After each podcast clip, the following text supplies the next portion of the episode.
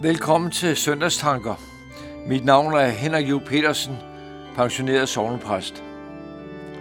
Søndagen er faste søndag, og teksten er fra Lukas evangel kapitel 18, vers 31-43.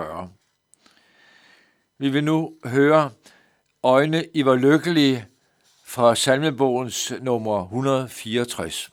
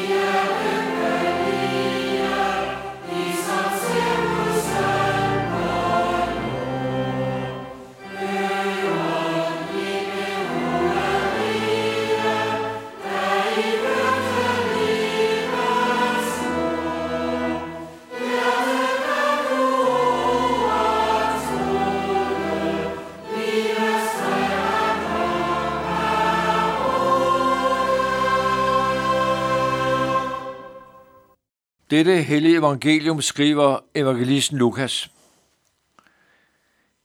Jesus tog de tolv til side og sagde til dem, Se, vi går op til Jerusalem, og alt det, som er skrevet ved profeterne og menneskesønnen, skal opfyldes. Han skal overgives til hedningerne, og de skal håne ham, mishandle ham og spytte på ham. De skal piske ham og slå ham ihjel, og på den tredje dag skal han opstå. Men de fattede ikke noget af det. Det var skjulte ord for dem, og de forstod ikke det, som blev sagt. Da Jesus nærmede sig Jericho, sad der en blind mand med vejen og tikkede. Han hørte, at en skare kom forbi, og spurgte, hvad der var på fære. De fortalte ham, det er Jesus fra Nazareth, som kommer forbi. Der råbte han, Jesus, Davids søn, forbarm dig over mig. De, som gik foran, truede af ham for at få ham til at tige stille. Men han råbte bare endnu højere, Davids søn, forbarm dig over mig. Og Jesus stod stille og befalede, at manden skulle føres hen til ham.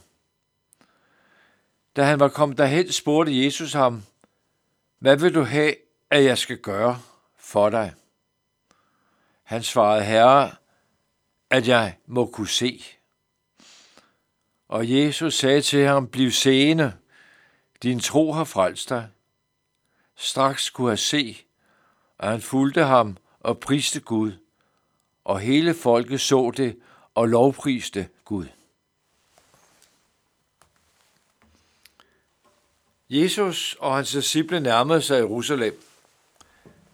Det gør vi på en måde også her i kirkeåret, når vi hører denne tekst. Det er faste lav, og på onsdag begynder fastetiden som en slags ventetid, en forberedelsestid, en tid, hvor vi nærmer os påsken. Den tid, hvor Jesus bliver taget til fange, korsfæstet, og den tid, hvor vi hører budskabet om hans opstandelse. Jesus taler om menneskesøndens forestående skæbne og død og opstandelse, var virkelig totalt uforståeligt for disciplene. Hvordan kan det give mening? Burde Gud ikke gribe ind over for al ondskab og lidelse? Og så forudsiger han, det modsatte vil ske. Gud griber til synlagene ikke ind over for ondskab. Men så sker det noget. Uden for Jericho befinder der sig ved vejen en blind. Han hedder Bartimeus. Hans navn, det kender vi fra Markus evangeliets gengivelse af samme episode. Da han mærker, der er nogen, der går forbi ham på vejen, og får at vide, at det er Jesus fra Nazareth, så begynder han at råbe, Davids søn, forbarm dig over mig. Og han bliver ved, selvom disciplene prøver at få ham til at tige. Hvad vil du, at jeg skal gøre dig, spørger Jesus. Og da han har fået ham hen til sig, siger han, gør mig seende. Jesus taler til ham. Han fik sit syn igen. En blind var seende, og de seende her i teksten, disciplerne, var blinde. Hvad var der sket? Vi ved ikke, hvordan, men Bartimaeus var åbenbart åndeligt set seende og forstod en sammenhæng mellem Jesus fra Nazareth og det gamle testamentets ord om Davids søn.